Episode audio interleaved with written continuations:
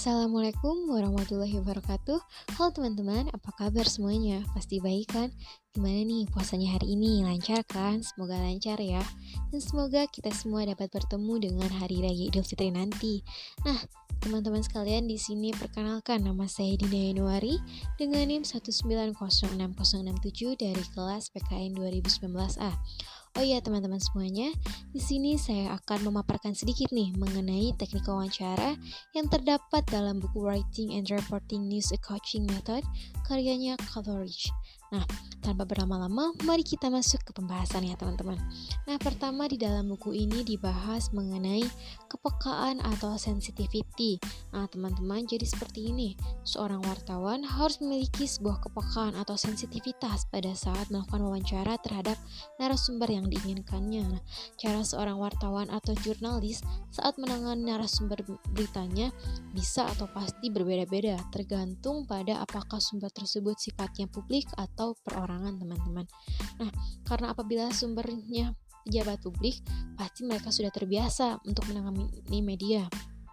Nah, sedangkan uh, bila narasumbernya individu, mereka tidak punya urusan dengan media, teman-teman. Nah, jika pejabat publik mengucapkan kutipan yang terlaluan, itu adalah sebuah permainan yang adil di dalam dunia jurnalistik. Dan sedangkan sebaliknya, jika seorang individu melakukannya, maka wartawan dapat mengingatkan orang tersebut bahwa itu akan dipublikasikan dan juga harus dipastikan nih bahwa narasumber atau individu yang diwawancarainya harus mendukung atau orang yang harus atau atau orang yang berhak untuk diwawancarai teman-teman. Nah, meski banyak reporter percaya bahwa begitu mereka mengidentifikasi diri mereka sebagai anggota dari media, apa pun dalam sebuah wawancara itu semua adalah sebuah permainan yang adil teman-teman. Wartawan yang menunjukkan kepekaan ekstra biasanya berakhir dengan lebih banyak atau berakhir dengan mempunyai informasi yang lebih banyak teman-teman. Nah semua sumber baik publik maupun swasta ingin ditampilkan dengan baik di dalam sebuah media. Banyak sumber terutama pejabat publik akan memanipulasi wartawan teman-teman dengan hanya mengungkapkan informasi yang lebih jauh dari tujuan mereka. Nah, alhasil wartawan juga perlu nih mewaspadai sumber dan mengajukan pertanyaan menyelidik yang melampaui apa yang diinginkan oleh narasumber tersebut teman-teman. Nah, penting juga nih untuk wartawan untuk memeriksa informasi dan mencari poin alternatif dari sudut pandang lain atau sumber lainnya teman-teman. Nah, selanjutnya di dalam buku ini dibahas mengenai keterampilan mendengar dan mencatat dalam melakukan wawancara, teman-teman. Di dalam buku ini disebutkan bahwa Truman Capote tahu bagaimana menjadi pendengar yang baik. Dia tidak membuat catatan selama dia melakukan wawancara untuk bukunya In Cold Blood. Nah, e, beliau juga tidak menggunakan tape recorder, teman-teman. Beliau yakin bahwa buku catatan atau tape recorder akan menghalangi sumbernya atau narasumbernya. Nah, jadi Truman Capote di sini memanfaatkan ingatannya yang sangat bagus, teman-teman. Nah, tapi jika teman-teman tidak memiliki memori atau ingatan yang kuat seperti Capote, lebih baik teman-teman melakukan wawancaranya dengan membuat catatan yang bagus ya teman-teman. Nah, Capote juga berkata bahwa dia melatih dirinya untuk menjadi pendengar yang baik, teman-teman. Nah, selanjutnya di sini ada pro dan kontra dari penggunaan tape recorder ketika wawancara, teman-teman. Nah, seperti yang teman-teman teman-teman telah ketahui sebelumnya nih, Capote uh, keberatan untuk menggunakan alat perekam karena menurutnya sebuah tape recorder bukan pengganti nada yang bagus. Kaset bisa saja rusak teman-teman dan juga mesin bisa saja tidak berfungsi pada saat kalian sangat membutuhkannya.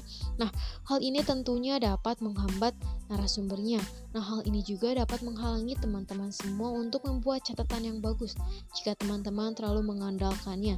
Dan alat perekam juga tidak dapat menangkap senyuman, penampilan, ataupun tingkah laku dari seorang narasumber nih teman-teman. Tapi di hari-hari penting, tape recorder juga sangat penting untuk merekam bagian-bagian wawancara yang mungkin nanti digunakan sebagai cuplikan suara atau video atau versi web dari cerita teman-temannya semua teman-teman semua di sini. Nah, selain itu juga jika teman-teman ingin mendapatkan kata-kata yang tepat nih dari kutipan atau jika teman-teman melihat sumber tentang subjek yang kontroversial, tentu saja alat perekam atau tape recorder ini akan sangat membantu teman-teman sekalian. Nah, tapi sebelum teman-teman mulai merekam wawancara teman-teman atau menggunakan tape recorder teman-teman dalam wawancara, teman-teman sekalian juga harus memperhatikan beberapa etika nih teman-teman.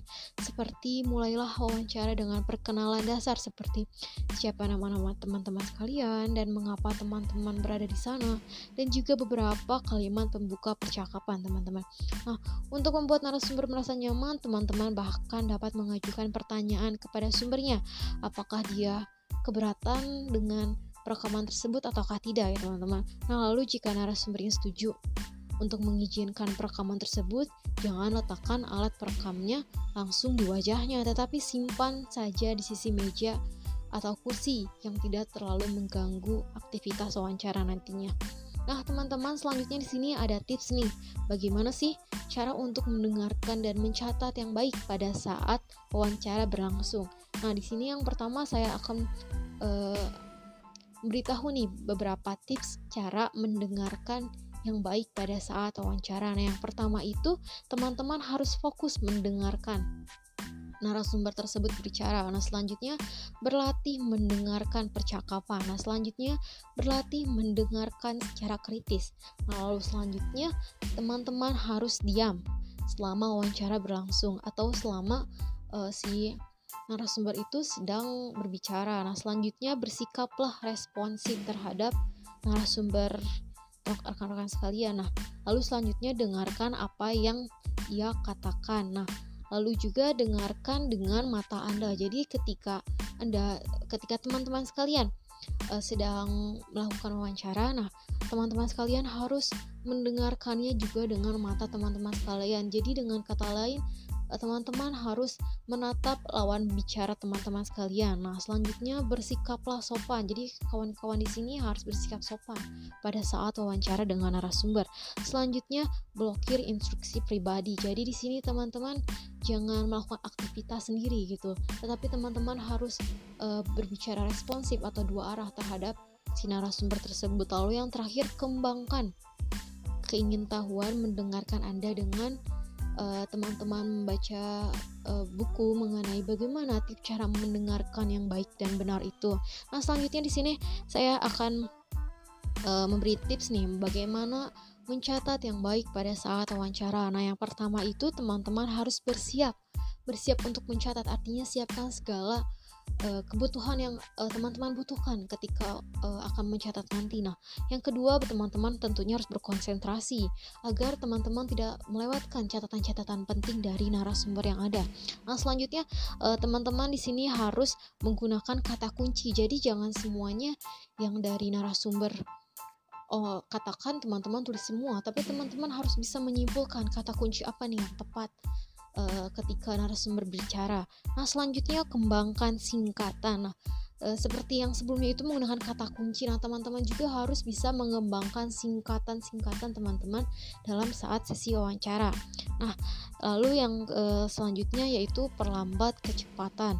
Nah, selanjutnya itu minta pengulangan kata nih bila teman-teman merasa belum mengerti nih atau merasa terlalu kecepatan narasumber berbicaranya, teman-teman sekalian harus meminta pengulangan kepada uh, narasumber tersebut.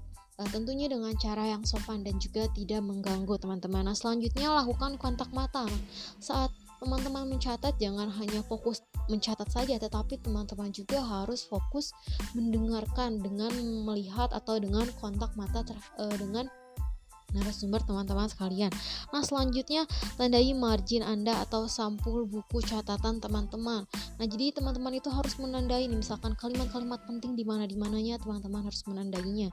Nah, selanjutnya verika, verifikasi informasi penting teman-teman. Nah, jadi misalkan uh, si narasumber itu mengucapkan informasi yang penting nih, teman-teman lebih baik uh, lebih baik teman-teman mengkonfirmasi ulang apakah itu benar atau tidaknya. Nah, selanjutnya periksa ulang. Periksa ulang catatan teman-teman, lalu selanjutnya bersikaplah terbuka. Nah, jadi bersikaplah terbuka seperti itu maksudnya itu jadi uh, apa yang harus teman-teman bisa teman-teman uh, kasih lihat juga kepada narasumbernya agar narasumbernya percaya atau yakin bila teman-teman tidak melebih-lebihkan atau tidak mengurang-urangkan uh, cerita yang telah disampaikan oleh si narasumber. Nah, selanjutnya gunakan sistem simbol dan juga selanjutnya style and deliver. Lalu yang terakhir adalah transkripsikan catatan hanya untuk cerita utama nih teman-teman. Nah, teman-teman selanjutnya di sini ada tips nih untuk wawancara. Nah, pertama yang harus dipersiapkan ialah pertimbangkan misi dari teman-teman sekalian. Nah, jika teman-teman uh, seorang reporter bukan seorang stenographer yang hanya menerima informasi dan menyalinnya. Nah, seorang reporter harus mengevaluasi informasi untuk keakuratan, keadilan, nilai berita, dan potensinya untuk membuat cerita yang mudah dibaca. Selama proses pelaporan, teman-teman harus mencari fakta, kutipan bagus, pembuktian, dan juga jawaban nih untuk pertanyaan 5W1H. Nah, eh, Selanjutnya, satu pertanyaan harus mengarah ke pertanyaan lain sampai teman-teman memiliki informasi yang benar-benar dibutuhkan. Jadi, teman-teman harus membuat pertanyaan yang saling berkaitan antara pertanyaan satu dengan pertanyaan lain, sehingga teman-teman akan mendapatkan sebuah jawaban yang teman-teman inginkan. Nah, wawancara dengan satu sumber hanyalah awal dari pelaporan untuk sebagian besar cerita nih, teman-teman. Nah, untuk kredibilitas dan juga keadilan, teman-teman juga membutuhkan sumber lain atau manusia lain atau narasumber lain uh, dan tertulis untuk berbagai sudut pandang dan pemeriksaan akurasinya teman-teman. Nah selanjutnya di sini bagaimana sih merencanakan wawancara itu? Nah di sini tentunya ada enam tahap nih teman-teman. Yang pertama identifikasi fokus teman-teman. Jadi teman-teman tuh uh, mau fokusnya mewawancarai apa nih ya untuk berita apa. Nah, selanjutnya identifikasi tujuan teman-teman tentunya. Misalkan teman-teman sudah menentukan suatu topik, berarti tujuan teman-teman itu um, artinya tujuan teman-teman itu menentukan topik itu. Jadi wawancaranya mengenai topik itu jadi itu gitu.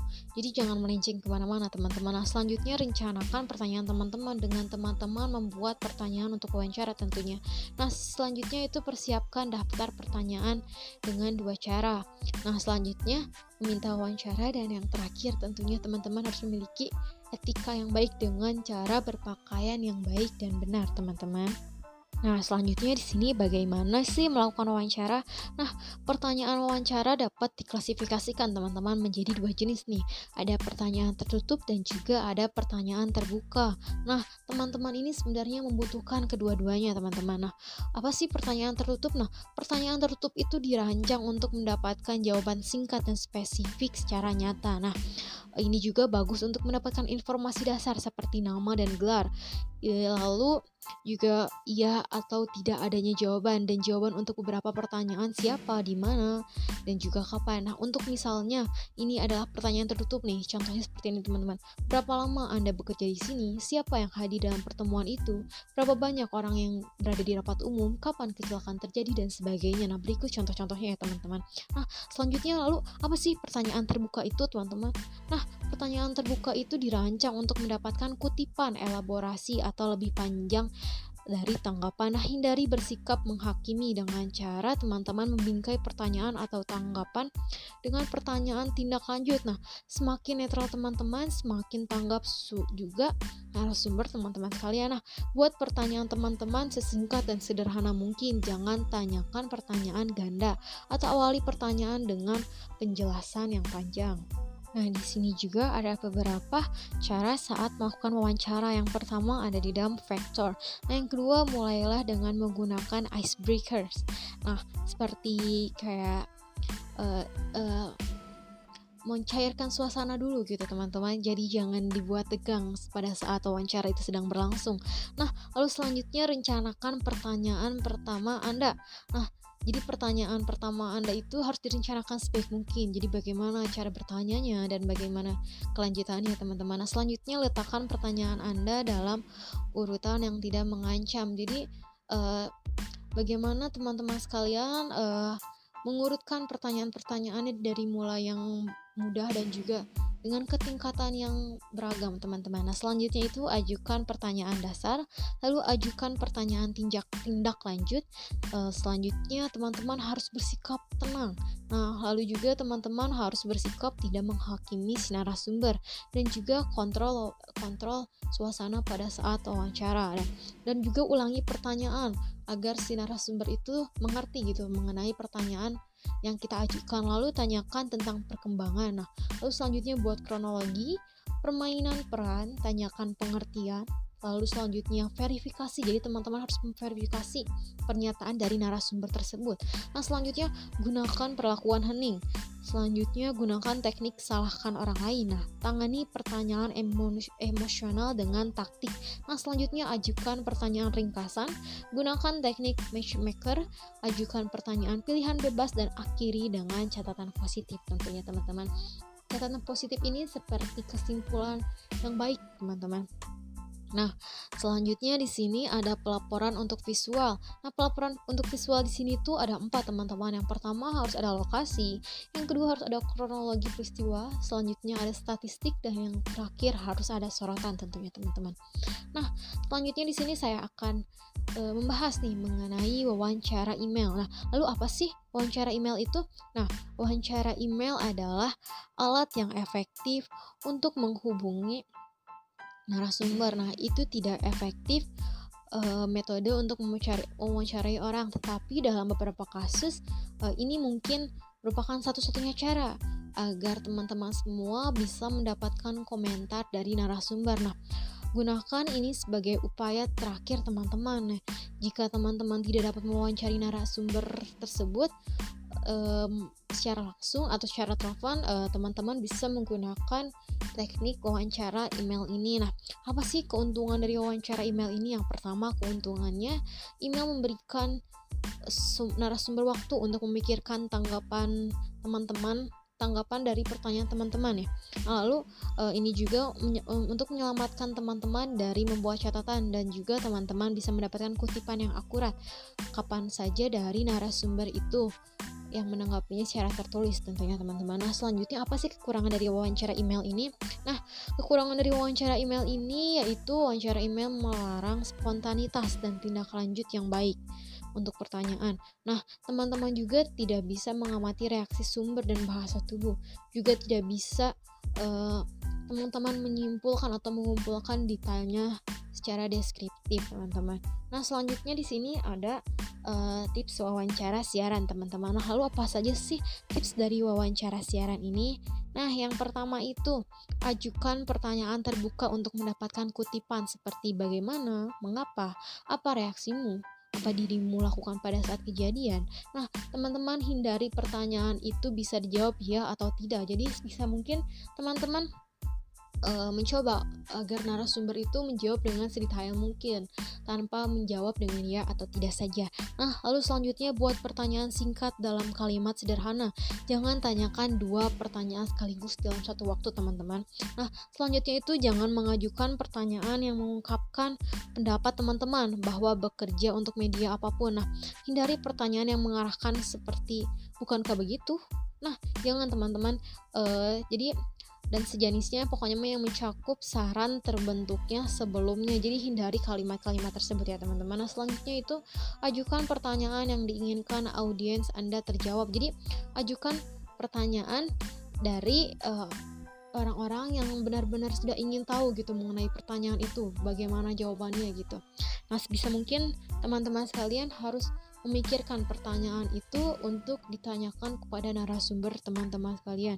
Nah, selanjutnya kumpulkan informasi yang mungkin ditanyakan oleh pembaca berita kepada Anda untuk elaborasi. Nah, selanjutnya dengarkan baik-baik. Nah, yang terakhir itu ajukan pertanyaan pilihan bebas, teman-teman. Nah, selanjutnya ada tips nih mengenai wawancara email seperti yang telah saya sebutkan tadi kan uh, mengenai wawancara email itu merupakan jalan terakhir nih bagi teman-teman bila tidak bisa melakukan wawancara secara langsung ataupun secara telepon teman-teman. Uh, teman-teman sekalian bisa melakukan wawancara dengan email. Nah di sini ada tipsnya nih mengenai tips wawancara email teman-teman. Nah yang pertama batasi jumlah pertanyaan. Sumber akan menjawab satu atau dua pertanyaan dengan lebih baik pertanyaan daripada daftar panjang. Nah upayakan maksimal lima pertanyaan ya teman-teman. Nah selanjutnya itu perjelas tujuan teman-teman nih. Jadi perjelas bahwa teman-teman bermaksud menggunakan email pesan dalam sebuah berita. Nah pesan email pribadi tidak ditunjukkan untuk publikasi ya teman-teman. Nah selanjutnya itu verifikasi nama lengkap dan juga judul narasumber. Nah alamat email tidak selalu disertakan nama narasumber yang tepat, teman-teman harus ingat itu ya. Nah, selanjutnya batasi pesan email tindak lanjut Anda. Nah, jadi mungkin teman-teman harus membalas ke sumbernya email dengan pertanyaan lain atau permintaan informasi lebih lanjut, tapi jangan mendesak narasumber dengan beberapa pesan email ya teman-teman. Jadi harus satu-satu gitu. Nah selanjutnya yang terakhir di sini ada atribut email. Nah meskipun tidak diharuskan lebih baik dijelaskan di berita yang dikomentari oleh narasumber dalam wawancara email teman-teman. Dan itu merupakan hal yang penting ya teman-teman. Dan juga itu merupakan suatu etika teman-teman. Nah Lalu selanjutnya di sini ada tujuan dari metode wawancara. Nah, apa sih tujuan dari metode wawancara ini? Nah, metode tujuan adalah sebuah konsep nih untuk membantu teman-teman menyusun pertanyaan untuk berbagai macam pertanyaan cerita, terutama profil, fitur, dan juga cerita tentang program dan juga masalah teman-teman. Nah, kerangka awal dari tujuan metode wawancara ini ada empat nih. Ada goal. Nah, goal itu apa aja sih? Yang pertama G-nya itu adalah goals, nah, yang kedua O-nya itu obstacles, nah, yang ketiga A-nya itu teh assessment lalu yang terakhir L-nya itu adalah logistik mini interview teman-teman nah Selanjutnya di sini ada ide atau pertanyaan spesifik nih terkait metode wawancara. Nah, yang pertama itu harus diperhatikan adalah sasarannya. Nah, yang kedua adalah hambatannya. Lalu yang ketiga adalah pencapaiannya. Sedangkan yang terakhir adalah harus ada logistiknya bila teman-teman melakukan wawancara secara langsung maupun tidak langsung, teman-teman. Nah, di sini Selanjutnya ada mengenai wawancara telepon nih teman-teman. Nah di dalam wawancara telepon ini harus ada beberapa hal yang diperhatikan teman-teman. Nah di sini saya akan uh, memberikan tipsnya nih untuk meng, untuk melakukan wawancara telepon teman-teman tentunya. Nah yang pertama itu harus ada identifikasi. Jadi segera sebutkan nama dan afiliasi teman-teman serta tujuannya teman-teman melakukan panggilan tersebut. Nah selanjutnya harus ada icebreakers. Nah ini mungkin tidak diperlukan langsung ke intinya saja dengan cepat. Nah jika teman-teman menggunakan salah satu pemecah es untuk menjalin hubungan, buatlah dengan sangat singkat teman-teman agar tidak terjadi ketegangan ketegangan pada saat wawancara berlangsung tentunya. Nah, selanjutnya itu panjangnya pertanyaan. Nah, buat pertanyaan yang sangat singkat teman-teman, ungkapkan setiap pertanyaan dengan jelas dan sederhana. Jadi harus dibatasi pertanyaan tidak lebih dari dua kalimat atau satu kalimat itu lebih baik teman-teman. Nah, selanjutnya yang keempat ada klarifikasi. Nah, pastikan teman-teman memahami informasi yang teman-teman terima. Mungkin lebih sulit untuk memahami informasi dalam wawancara telepon, jadi klarifikasi apa pun itu membingungkan. Nah, ulangi istilah atau informasi yang membingungkan dengan kata-kata teman-teman sendiri. Dan juga kita harus meminta narasumber teman-teman untuk memverifikasi interpretasi teman-teman sekalian dan yang selanjutnya ada spesifikasi dan jadi tanyakan detail dan juga contoh jika teman-teman ingin mendeskripsikan uh, adegan tersebut tanyakan kepada narasumber untuk memberikan teman-teman detail deskripsinya. Jadi detail secara uh, mendetail gitu. Nah selanjutnya itu ada kronologi. Nah kronologi sangat penting dalam kepolisian dan melaporkan teman-teman terima melalui telepon nah jika teman-teman tidak memahami bagaimana suatu peristiwa terjadi Coba ulangi kronologi seperti ini nih, biar saya mengerti apakah ini yang terjadi atau seperti atau setelah narasumber memberitahu Anda mengenai poin-poin penting uh, dari apa yang terjadi, nah teman-teman dapat memintanya menjelaskan uh, pesan uh, yang ada uh, pada peristiwa yang terjadi tersebut. Nah, selanjutnya harus ada batasan teman-teman. Nah, karena waktu Anda mungkin dibatasi oleh banyak kejadian di luar kendali teman-teman, batasi jumlah pertanyaan dalam wawancara telepon. Nah, rencanakan dua daftar semua pertanyaan yang ingin teman-teman ajukan dan pertanyaan penting. Jika teman-teman punya waktu hanya untuk beberapa pertanyaan, beralih ke daftar penting. Nah, teman-teman mungkin juga ingin mengajukan pertanyaan. Nah, teman-teman dalam urutan yang berbeda nih. Jadi jangan menunggu terlalu lama untuk menanyakan hal-hal yang krusial. Teman-teman tidak pernah tahu kan kapan narasumbernya akan melakukan disinterupsi dan akan menghentikan wawancara tersebut. Nah, selanjutnya pengendalian. Mengubah topik untuk mendapatkan pertanyaan yang perlu teman-teman miliki. Uh, bahkan lebih penting dari wawancara telepon daripada secara langsung teman-teman. Nah, teman-teman tidak dapat menyisikan terlalu banyak waktu untuk menjalin hubungan baik atau terlibat dalam percakapan yang tidak produktif. Nah, perhatikan informasi yang harus teman-teman peroleh untuk uh, cerita teman-teman sendiri. Nah, yang terakhir nih harus ada verifikasi teman-teman. Periksa kembali ejaan nama, judul dan juga informasi dasar lainnya. Jika teman-teman belum mendengarkan dengan jelas, eja kembali uh, narasumbernya. Nah, Informasi dasar ini sangat penting teman-teman ketika berhadapan dengan aparat kepolisian. Mereka biasanya tidak mengidentifikasikan sendiri dirinya sendiri dengan nama lengkap mereka pada saat menjawab telepon saat bertugas. Jadi pastikan bahwa teman-teman mendapatkan nama depan dan belakang dan juga pangkat yang tepat seperti letnan, sersan dan juga kapten. Nah, di akhir wawancara ucapkanlah terima kasih kepada narasumbernya ya teman-teman dan tanyakan apakah teman-teman boleh menelpon kembali jika teman-teman memiliki lebih banyak pertanyaan lagi dan juga gunakan penilaian di sini.